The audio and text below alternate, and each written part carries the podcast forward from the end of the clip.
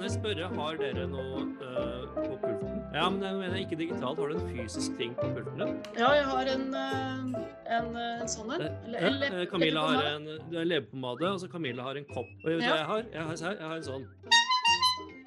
Nettopp. En sånn Ja. backpack. Eh, Ja. på- Nå viste dere den. Kan jeg finne en annen ting? Og så bare, eh, Hvis Camilla gjør det først, så kan du gradvis vi, Ikke vis hele, nå viste du hele. Poenget er, er du skal bare vise gradvis og veldig fort, og så skal vi gjette hva det er. Nå viste du hele Rubiks kuben, Margret, okay. så du må ta en annen ting. Hvis, nå, Mar litt- eh, litt- litt Camilla først viser lite grann, og så skal vi se Jeg ser at det er gnistrende undervisning. Kult.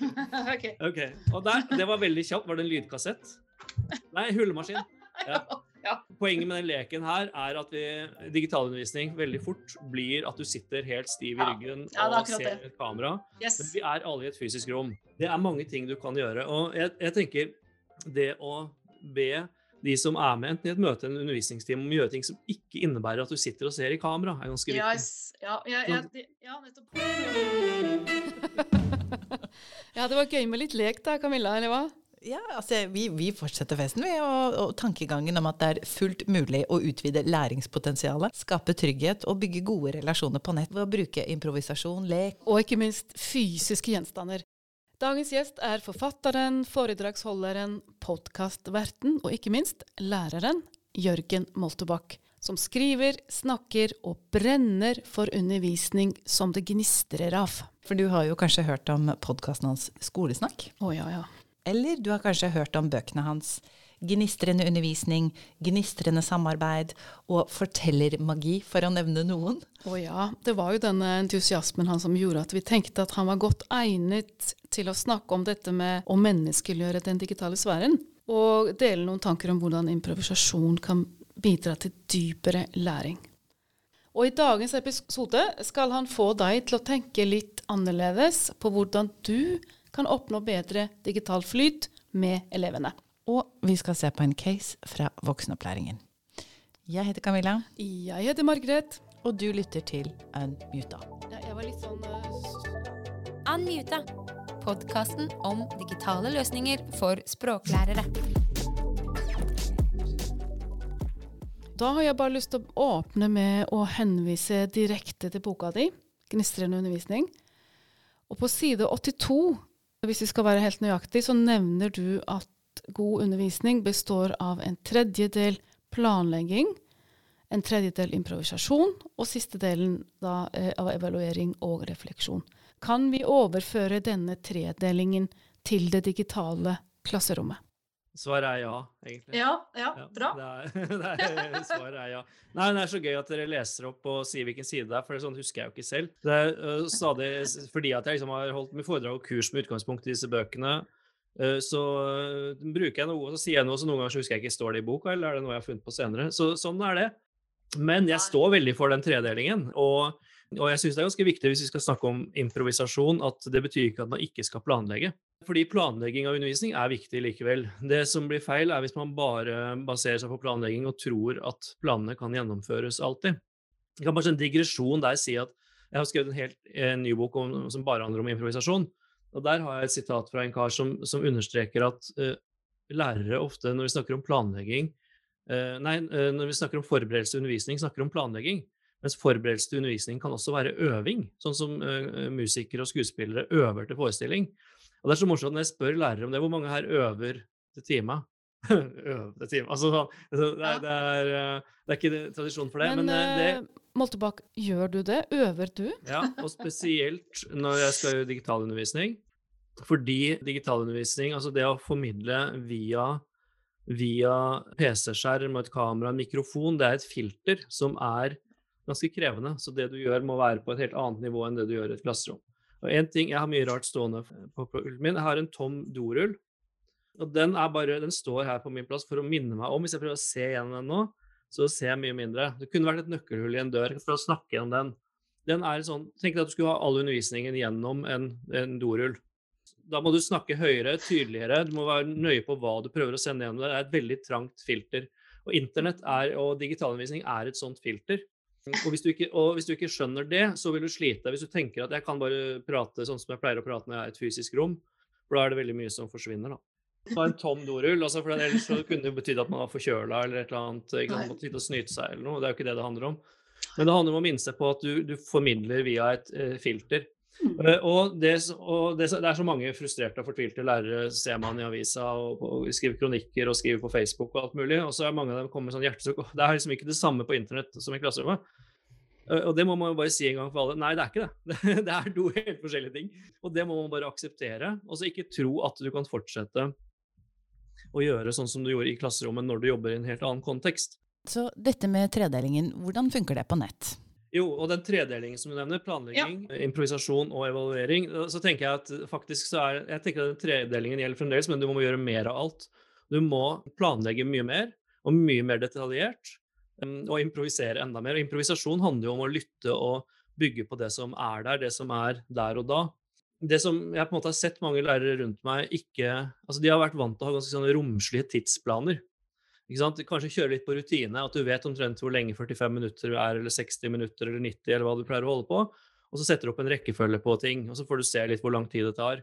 Eh, Og jeg tenker det er vikt, En av de viktigste forskjellene på en eh, økt digitalt og fysisk, er at du må ha en ganske stram tidsplan, som en kjøreplan på en radiosending eller en TV-sending. Og det er på minuttbasis. Og jeg har eh, nå en sånn, eh, Når jeg holder online-kurs, så har jeg kjøreplan ved siden av skjermen, ved siden av webkameraet. Og jeg har en vekkerklokke fra Claes Olsson med store tall, som dere kan se her, eh, som pleier å stå oppå skjermen. Og det er fordi at noen ganger når du har fullskjerm, så forsvinner klokken i hjørnet. Sånn at jeg hele tiden Det er nesten sånn som en pilot som har et eh, sånn panel over ting du trenger å se på, sånn at du kan, du kan styre etter den tiden. Mm, Og, og, og hovedgrunnen til det er at i et fysisk kontekst, så hvis du, hvis, det, hvis du underviser i et fysisk klasserom, og det skjer noe uh, ute på gangen, så du må gå og fikse et eller annet der, så etter fem-ti minutter så vil fremdeles elevene eller studentene sitte i klasserommet, og kanskje de fleste fortsetter å jobbe med det de holdt på med. Men hvis det skjer på, in, på digitalundervisning, at du er borte i fem-ti minutter med en svart skjerm, så har de begynt å se på Netflix etter 30 Ja. sekunder. Ikke sant? Det er en helt Ja. annen, annen tidsrytme. En helt annen tidsrytme, og det krever en helt annen på en måte, styring innenfor tid. Da. Jeg lyttet til en podkast fra Universitetsforlaget hvor du er med, og da sa du følgende. Improvisasjonsredskaper er de aller beste og viktigste vi har for å inkludere alle, og for å skape kreative flow-opplevelser som gjør at man får til læring på et dypt nivå. Og dette er jo ekstremt inspirerende. Men nettundervisningen slik du beskriver den, med en stram tidsplan og et eh, spisset innhold, da lurer jeg veldig på hvordan man skal få til dette. For jeg forstår at slik du beskriver improvisasjon, så er det ikke bare at man kommer henslengt inn i timen og bare setter i gang og ser hva som skjer. Jeg har forståelse for at du snakker om ørsmå justeringer her. Men for å få den tryggheten som gjør at folk har lyst til å improvisere, da, både lærere og elever, hvordan kan vi få til dette på nett? Det, det, altså det er veldig viktig at du sier det at improvisasjon er ikke bare å liksom la det skure. og Nei, jeg bare kommer helt uforberedt til alt som skjer. skjer. Det, for det er jo liksom sånn begrepet noen ganger brukt i dagligtalen. Mens improvisasjonskompetanse, som jeg da bruker, handler om en sånn bevisst strategi og bevisst metodikk. Som handler om å ikke basere seg på det du selv har tenkt ut på forhånd, men basere seg på det som finnes foran deg. Og i undervisningssammenheng det elevene sier, tenker og gjør. Altså en elevsentrert eh, undervisning. Og hvis jeg skal svare på hvordan man får til det, så må jeg jo først si at jeg får jo ikke det alltid til selv. Noen ganger så får jeg det til, og noen ganger så får jeg det ikke til. Men jeg teller liksom de gode opplevelsene. De, de, ehm, de gangene hvor det virkelig funker, så prøver jeg altså, apropos evaluering, og så ta med meg dem og prøve å gjøre mer av det neste gang. Og så får vi fiaskoene, de, ja ja, de, de skjer av og til, de òg. Men jeg tror hvis vi spoler tilbake til hva som er på en måte et men, grunnleggende menneskelig behov, så er det det å bli sett og anerkjent. Bli sett og anerkjent og tatt på alvor og involvert. Og eh, en tilbakemelding jeg fikk for noen dager siden, jeg hadde et kurs for en organisasjon, eh, 25 deltakere eller noe sånt, og de eh, satt da i breakout rooms og, eh, og løste oppgaver. Og så det jeg jeg har begynt å gjøre, er at jeg sørger for at noen skriver et referat i et samskrivingsdokument. At jeg sier skriv noen stikkord for hva dere kommer fram til Mhm. når de er i breakout rooms. Fordi ellers som lærer da, så, så, så mister du jo helt oversikten. Se hva de skriver. Og så når de kom tilbake i fellesrommet, så sa jeg jo i gruppe tre Dere skrev at Så refererte jeg det. Det syns jeg var veldig interessant. Det er en av dere som kan utdype det litt. Og så er det en som skrur av uh, Unmuter seg selv og forklarer det. Og gruppe fem, der, den der er kjempeviktig, det dere skrev der. Og da når de skulle evaluere til slutt, så var det flere som framhevet det. Du, du, du, du, tok opp det vi sa. ikke sant? Du bygde, ikke sant? Vi, ikke sant? Vi, vi, du bygde på det vi eh, sa, og det gjorde at vi følte oss sett, og det var veldig motiverende. Og det der skal man ikke undervurdere betydningen av. For jeg kunne Mm. selvfølgelig de punktene de hadde der. Det, ikke, det var, ikke liksom banebrytende ting. Det var ting jeg kunne satt på en powerpoint og formidlet også. Men det at jeg viser at, hva, det at dere sier det, og at jeg støtter opp under det, det er noe annet enn at jeg formidler det fra meg til dere. da. Eh, Og, og når man improviserer, det man jo ofte da gjør, en viktig ting er at du plukker opp på de tingene som skjer. Alt som skjer, det du ser i bildet, eller det som blir sagt, eller sånn, at du gjør et poeng ut av det. Og eh, det jeg gjør i de tidsplanene mine, er at jeg legger en ganske stor buffer. Kanskje hvis det er en to timers økt, at jeg har 20 minutter buffer, fordi jeg vet at tidsplanen kommer til å ryke. Ikke sant? Jeg vet at ting kommer til å ta lengre tid, og at det kommer til å skje. Det skjer alltid noe uforutsett. Sånn at, jeg, eh, sånn at jeg da kan hele tiden se nå Å ja, nå gikk jeg fem minutter over der, nå gikk jeg ti minutter over der, men jeg har enten så kan jeg kutte ut noe, eller så, eller så, eller så har jeg en god buffer, så jeg vet at jeg lander der jeg skal uansett. Og improvisasjon vil da være at hvis du for eksempel eh, altså Chatten er jo kjempeviktig i digital undervisning. Det er så mye diskusjon da på om elevene skal skru på kamera eller ikke, og sånn, men, men hvis du klarer å bruke chattefunksjon effektivt, så er den kanskje et av de beste eh, redskapene. Da kan du stille et spørsmål og så få svar fra 25-30 stykker på, på ett sekund, liksom. Nå skal jeg stille deg et spørsmål, jeg vil at jeg skal svare i chatten. Ikke sant? Og da kan det dukke opp ting som du ikke hadde forutsett. Ikke sant? At du får et svar som er at ja, de har ikke skjønt noe av den foregående bolken, f.eks. Og da kan du ikke bare fortsette. Da må, da må du ta inn det. Å ja, dere skjønte ikke det. Nei, men da skal jeg ta det en gang til. Ikke sant? Det er, det er tilpasning. Og det er på det motsatte av det å ha forberedt en powerpoint. Og så liksom, ja, ja, jeg skal i hvert fall gå gjennom powerpointen min uansett, så jeg vet ikke hvor mye elevene får med seg, men, men jeg kom i hvert fall gjennom det jeg hadde planlagt. ikke sant? Og der ser du at improvisasjon, På det feltet er, liksom, er improvisasjon så mye bedre enn enn det å liksom tvinge gjennom planene. At du, liksom, du skal gjennom det uansett. Hvis, det helt, hvis det dukker opp noe da, fra, fra studentene eller elevene som helt tydelig gjør at vet du hva, de, vi er ikke på nett sånn billedlig talt, eh, så, så tilpasser du deg det, og så kanskje du kommer Ja. på noe. Ja, jo, men da vet jeg noe, da har jeg en ny oppgave vi kan gjøre. Jeg vil at dere skal skjønne Mm. dette her, så da har jeg en ny oppgave vi kan gjøre. Se her, det er improvisasjon. Og en Ja. ting som jeg, jeg må bare få si det, fordi jeg, jeg underviser jo i psykologi, og vi, i den ene gruppen min så holder vi på med helsepsykologi.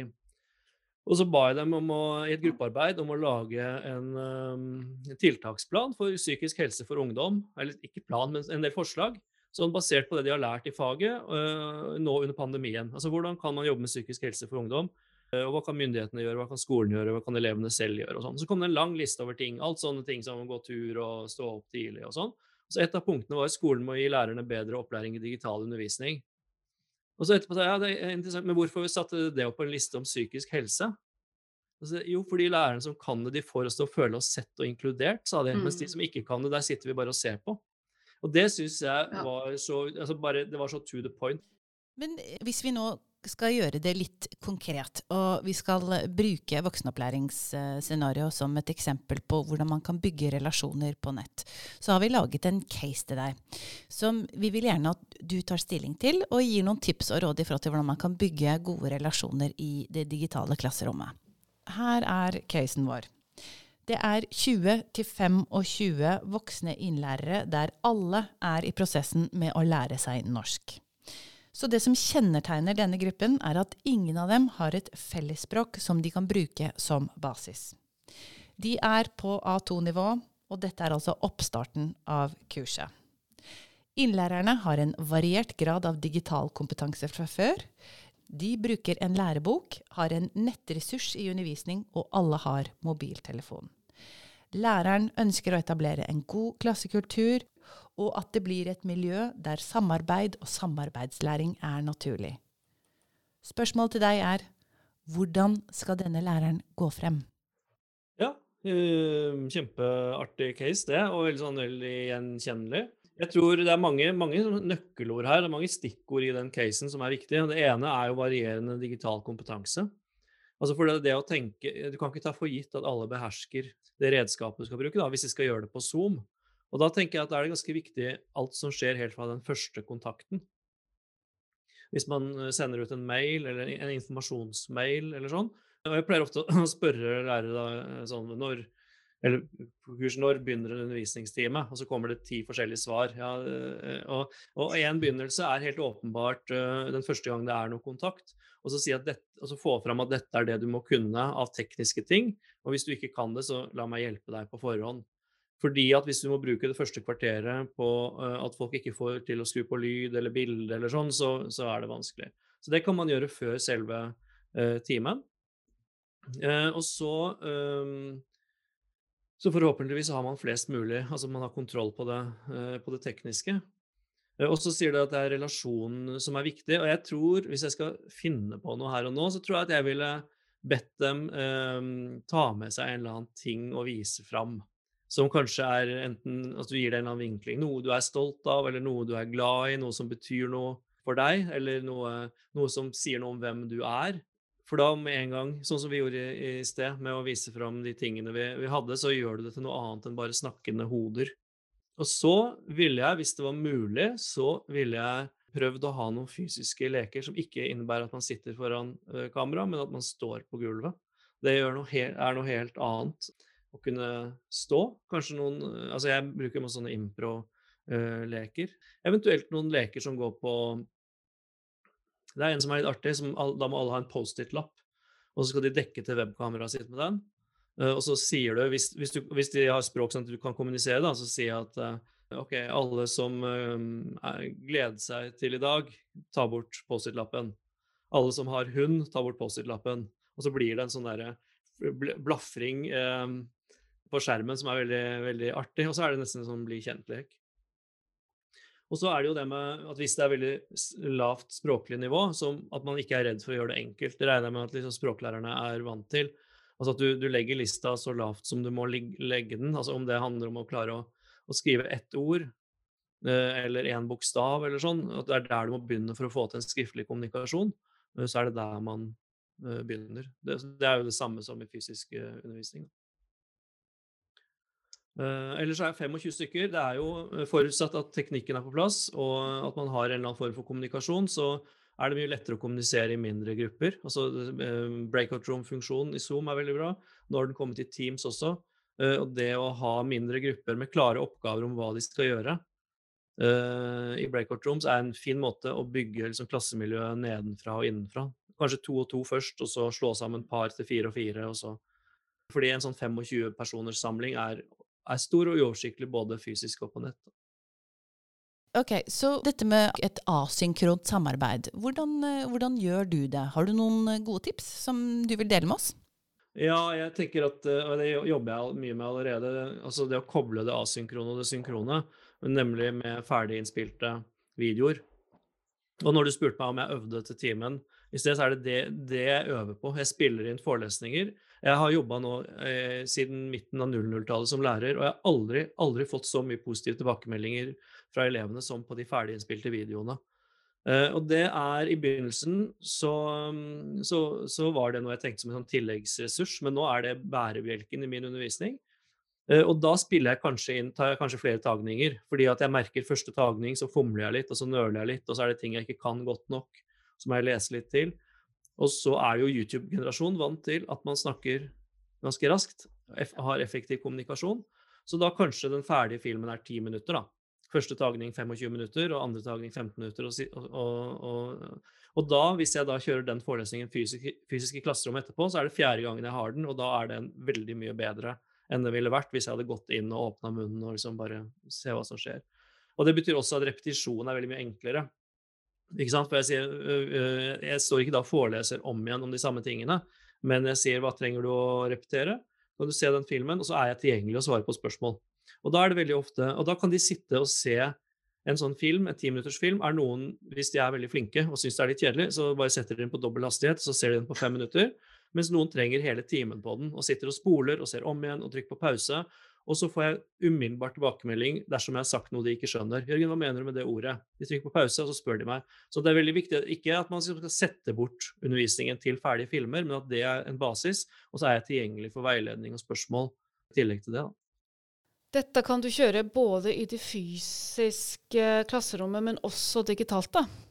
Absolutt. Og det, og det, øh, og det jeg tror det, det kanskje en del sliter litt med, er den tankegangen om at ok, fysisk undervisning er vanlig undervisning, fysisk undervisning er normal undervisning, og så skal vi gjøre noe i tillegg. Fordi det man gjerne sier, er at hvis én elev er digital, så er alle digitale. Så hvis man begynner heller å tenke, det er en sånn kopernikansk vending, da, at digital digitalundervisning er normalen, og så noen ganger så har vi fysisk kontakt i tillegg, det er en bonus, så gjør man det veldig mye enklere for seg selv.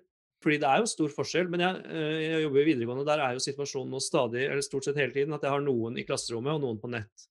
Og da er det fint f.eks. hvis man har gruppearbeid, at de som er på nett, sitter i virtuelle gruppearbeid, mens de som er, sitter i klasserommet, får lov å jobbe sammen i gruppearbeid. Det går an å lage på kryss og tvers eh, også, men det er veldig fint når man først er fysisk sammen, at man får lov å være aktiv og, og kommunisere og gjøre alt det som er bra med å være fysisk sammen. Hva har vi fått uh, ifølge deg, og hva har vi mistet med nettundervisningen? Ja, når du sier vi der, så er det litt vanskelig å svare på, for det kommer litt an på hvem det er. For jeg vet at det er jo mange som ikke er som der jeg er. Det er mange som er veldig fortvilt og, og, og slitne og syns bare det er vanskelig og gleder seg til det er over, liksom. Mens jeg tror ikke det kommer til å gå over. Jeg tror det er like lite sannsynlig at vi går tilbake til vanlig undervisning som det er at vi skal gå tilbake til vanlig bank og vanlig post. Altså Digitaliseringen stikker så mye dypere. Eh, nettbank og, og Post finnes jo fremdeles, forresten. En bank, da. ikke sant? Etter min mening så er det jo overmodent, det som skjer. Altså at vi, vi tar i bruk en del eh, hjelpemidler og en del eh, teknologi som har vært klar i årevis, og som vi nå eh, bruker. Så er det dette med fysisk kontakt, altså interaksjon, og, eh, og fysisk aktivitet. da. Altså at du tenker at vi sitter bare foran og ser inn i et kamera foran skjermen hele dagen. Så det er problematisk hvis det er sånn. Og jeg har også uh, vært i den første fasen, eh, i fjor vår og sånn, så var jeg også ganske sånn utmattet av det. Men, men det jeg bare tenker at det vi, eh, det vi mister ett sted, må vi ta inn et annet sted. Så hvis vi mister eh, den fysiske aktiviteten der å gå til skolen, og gå sånn, så må vi ta inn den på et annet sted. F.eks. sånne pauser som jeg nevnte. Nå må vi gå ut. Og jeg booker ikke nå møter som ligger rett etter hverandre. Jeg tar meg powerwalk ti minutter I hvert fall mellom uh, timeslange møter. Og, og sørge for, og jeg går, går, går, mye, om det ikke er annet enn en runde rundt huset. Jeg har mye møter stående. Jeg står ofte med sjongleringsball sånn, og hiver opp for å være fysisk aktiv. og det er Forskjellen på å ha tatt et 45 minutters møte med, stående med sjongleringsballer og sitte, det er himmelhvitt. Og så er det det med eh, sosial kontakt, det mister vi, eller den direkte. Da tenker jeg én ting, hvis man har type hybridløsninger der elevene er på skolen av og til så må man sørge for at de, de gangene får lov å være så ekstremt sosiale som de bare vil. Altså Ikke sett dem til å løse oppgaver individuelt, sitte og ha prøve på skolen og ikke få lov til å se på hverandre og ikke lov til å samarbeide når de er fysisk sammen. Det syns jeg er helt forferdelig. Det er helt naturstridig. Da uh, da må man gjøre det. Og så må man prøve å få Jeg må jo innrømme at hvis jeg skal ha online-kurs og ikke har snakket med noen den dagen, så går jeg en tur i butikken og, og prater Eh, med kassadama der litt, for å ha vekslet noen ord og ha en blikkveksling med et fysisk menneske før jeg skal eh, på uh, online, for det, det, trenger vi. Så akkurat det, det er ikke kjempeenkelt, men jeg tenker, så prinsippet her er at vi må se at det vi mister på ett sted, må vi prøve å ta igjen på et annet sted. Og når vi legger oss om kvelden og det har vært en lang dag, så bør vi ha prøvd å få dekka totalt sett de behovene vi har. da. Ser du for deg at digitalundervisning kan komme til å erstatte klasseromsundervisningen i fremtiden? Uh, jeg mener ikke at vi skal erstatte det, men jeg mener at vi skal utfylle det. Vi, jeg tror vi skal fortsette å ha fysisk undervisning, men at formen på den fysiske undervisningen kommer til å endre seg litt. Jeg tenker, La oss si at du, um, hvis det ikke hadde vært altså, pandemi, da, uh, men at vi hadde alle disse praksisene på digitalundervisning tilgjengelig, så kunne jeg ønske meg at elevene f.eks. brukte to timer om morgenen hver for seg til å lese og skrive og se ferdiginnspilte videoer. Og så komme på skolen og så ha tre timer intensivt med gruppearbeid og diskusjon og problemløsning og prosjektarbeid osv. Um, og så kanskje fikk en time eller to på slutten. Nå ble det kanskje veldig mange timer totalt her, men altså der de får lov å sitte én og én. Og, og veldig, veldig mange elever tidligere har ikke funnet seg til rette i klasserommet. De syns det er støyende, de syns det er tett, det er mange mennesker, det er mye distraksjoner. Vi hadde jo i en tidligere episode samtale med Geir Sand om dette med eh, lærerens rolle inn i fremtiden, og, og, om alle er like godt egnet til å undervise på nett som eh, i det fysiske klasserommet. Og Der skisserte han et bilde hvor han ser for seg at eh, lærere faktisk kan utvikle seg i ulike sfærer. Og eh, mitt spørsmål til deg da er er du, er du enig i den skisseringen til Geir Sand? Jeg ser for meg at de som har tenkt at hvis vi bare later som ingenting en stund nå, så er snart alt som normalt, jeg tror de kommer til å få seg en kjempeoverraskelse når alle andre har Eller alle de andre som har på en måte tatt denne ballen og, og prøvd å, å, å, lage noe som er nytt, og som er bedre enn det vi hadde før. Og det som er liksom bekymringsverdig, er at vi kan ikke snakke om skolen. Vi kan ikke snakke om vi, eller, eller sånn, fordi at norsk skole er ganske delt, og den var det før. Altså det, er jo det som skjedde 12. mars, at man så at det ble veldig synliggjort, det digitale klasseskillet. At noen, jeg snakka med, med skolefolk rundt omkring, der noen sa nei, det var ikke så stor forskjell. Vi bruker alle disse redskapene fra før, vi har kompetansen, vi har arbeidsformene. Eneste forskjellen er at vi ikke satt i samme fysisk rom lenger. Mens for andre så hadde de verken utstyr eller kompetanse. Og det, utover våren ble det også rapportert om et klasseskille mellom lærere. Altså de lærerne som behersker de dig- digitale kommunikasjonsformene, som innebærer f.eks. at du kan ha oppe en chat og svare i løpet av noen sekunder. Altså at elevene begynte å henvende seg til dem, og ikke til de som kanskje svarte på mail etter tre dager. Ikke sant? Det er, det er, det er sånne ting. Så jeg tipper at vi vil komme til å se eh, forskjeller, og ganske store forskjeller. Ja, ok, men kan du utdype det litt mer? Jeg tror alle kan lære det. Og jeg tror øh, Jo, det, jeg, det jeg tror at det å tenke at jeg trenger kanskje, kanskje noen ikke trenger å forholde seg til digital formidling, det tror jeg dessverre ikke kommer til å skje. Fordi at øh, det ligger i tiden, det ligger i øh, Ja, vi skal bruke bilder fra bank, da. Altså, du, du, du, det å være en god bankperson øh, før, da skulle du kunne telle penger veldig kjapt. øh, og du skulle stemple i bankboka, og det er en del en del sånne ting du skulle kunne, og tenke at jeg skal i hvert fall fortsette å gjøre det når, når kompetansekravene til yrket endrer seg, det tror jeg ikke. Og det som er at den post, altså det tanken om at ja, noen lærere er flinke til sånn, og noen er, er til sånn. Nei, det er ikke det. Det handler om forskjell på hvor villig du er til å lære nye ting. Eh, og mange av de som eh, Jeg skrev en bloggpost som det ble et bråk av her i, på slutten av 2020 om sytete lærere og syting og klaging. Og mange av de som klager, de, de, det virker nesten ikke som de har liksom, skjønner at det, det handler om at de har ikke lært seg hvordan man utfører det. ikke sant? Og jeg er heller ikke medfødt det. Jeg har jo lært masse de siste årene, og spesielt det siste året. Jeg har gått på kurs, jeg har prøvd og jeg har feila. Og jeg skal si hvem jeg har lært mest av. Det er tidligere elever og andre som er sånn 2022 og som er influensere. eh, som er youtubere. Det å sitte og se hvor sjukt gode de er. eh, og de, noen av dem lever av det. De har egen manager og greier. Men også se hvor flinke de er på visuell kommunikasjon, på å redigere filmer og på å lage effektiv formidling. Og det er det elevene er vant til. De har vokst opp med effektiv formidling. Eh, og da å tenke at de skal si jo, jo, nei, men nå skal jeg på skolen, og da skal jeg høre på en person som, som snakker i 45 minutter uten å ha øvd på forhånd, og, um, eller 90 minutter eller sånn. Jeg, jeg tror ikke det. Jeg tror ikke det, altså. Eh, Jeg det, men jeg tror nok at man bør satse, være ærlig. Og det er, Vi begynte å snakke om den tredelingen med planlegging, improvisasjon og evaluering. altså Den der ærlige evalueringen som går på hva får jeg til og ikke får jeg til. Og si at ok, jeg kan ikke onlineundervisning. Og Det er greit, for jeg har ikke øvd på det, jeg har ikke lært det, men jeg har lyst til å lære det. Hvis man har den innstillingen, så kan alle få det til. For teknologien er veldig enkel nå. Det er trykk rec, og det er trykk play, og det er Altså, den teknologien vi har i 2021, sammenlignet bare for ti år siden, med lyd og bilde og videoredigering og alt mulig, det er jo helt fantastisk. Ja, fremtiden er lys, den. Eh, Masse spennende med teknologi.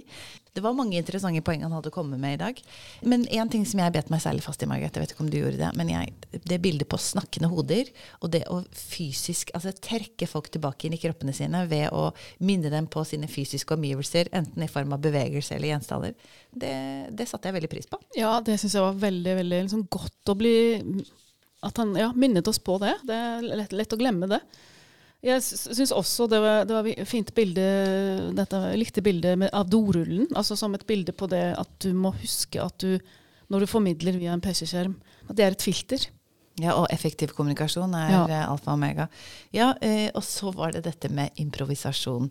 Altså improvisasjon i denne sammenheng, improv improvisasjonskompetanse handler jo da ikke om å deise inn i klasserommet ustelt og ugredd, på ingen måte, men er tuftet på din evne til å øve, øve, øve og forberede deg. Ja. At når du kan dette mediet, når du kan rekkefølgen på hvordan du skal gjøre de ulike aktivitetene i det digitale klasserommet, først da kan du frigjøre deg, slippe deg løs og improvisere og plukke opp på de Ja. tingene som du legger merke til i, eh, i oppgavene som dine elever løser.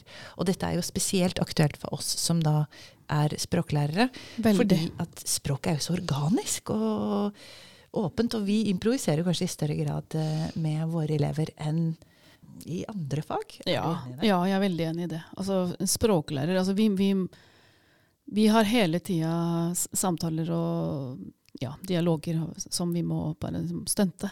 Mm. Ja. Ja, så, så, for å, så for å få til dette, så må du rett og slett først og fremst klatre inn i cockpiten din. ja. Du må ha klokka på plass. Du må, du må liksom gjøre dette et, eh, nok ganger til at du OK, jeg får det til. Og så kan du liksom slippe fri litt den der eh, stramme planleggingen, og så åpne opp for at du leser klassen mye mer enn det du har gjort tidligere. ja. Det er bare å øve, rett og slett. Mm. Ja, og så var det dette med, med eh, å bryte ned klassen i mindre moduler. Det var jo veldig beslektet med det Geir Sand sa Ja, tidligere. virkelig. Bruk liksom det de rommene som digitale, den digitale plattformen du underviser i, har til rådighet. Bruk chatten, bruk uh, breakout. Ja, bruk alle disse funksjonene til de alt, alt, alt de er verdt. Men uh, hva tenkte du om det han sa om lærer, altså hans uh, skissering av lærerrollen inn i fremtiden? Det var ganske annerledes enn fra episode tre med Geir Sand. da. Ja, det er jo Geir var jo inne på dette med at uh, vi, vi kan ha liksom ulike roller. Noen er gode på det, og, og at vi liksom fokuserer på hva vi er gode på. Mens, mens Multibac han trekker jo fram at nei, kom, nå må du få, få, få, liksom, få, få fart av å lære deg disse tingene. Ja. Litt, litt strengere syn. Litt strengere syn. ok, Så la oss, la oss eh, vende blikket fremover. I neste episode, hva, hva skal vi se på da? Da skal vi snakke om det digitale klasseskillet. Og vi skal uh, snakke med både forsker, lærer og en tidligere elev som nå jobber som familierådgiver. Uh, vi skal da snakke om de ulike forutsetningene for å lykkes med digital undervisning. Jeg gleder meg. Ja. Stor takk til Jørgen Mottebakk som eh, stilte opp eh, til intervju. Vi er tilbake om to uker. Podkasten lages av Lingu med midler fra Kompetanse Norge. Lingu er et norsk selskap som tilbyr språkopplæring og utvikler digitale læringsressurser.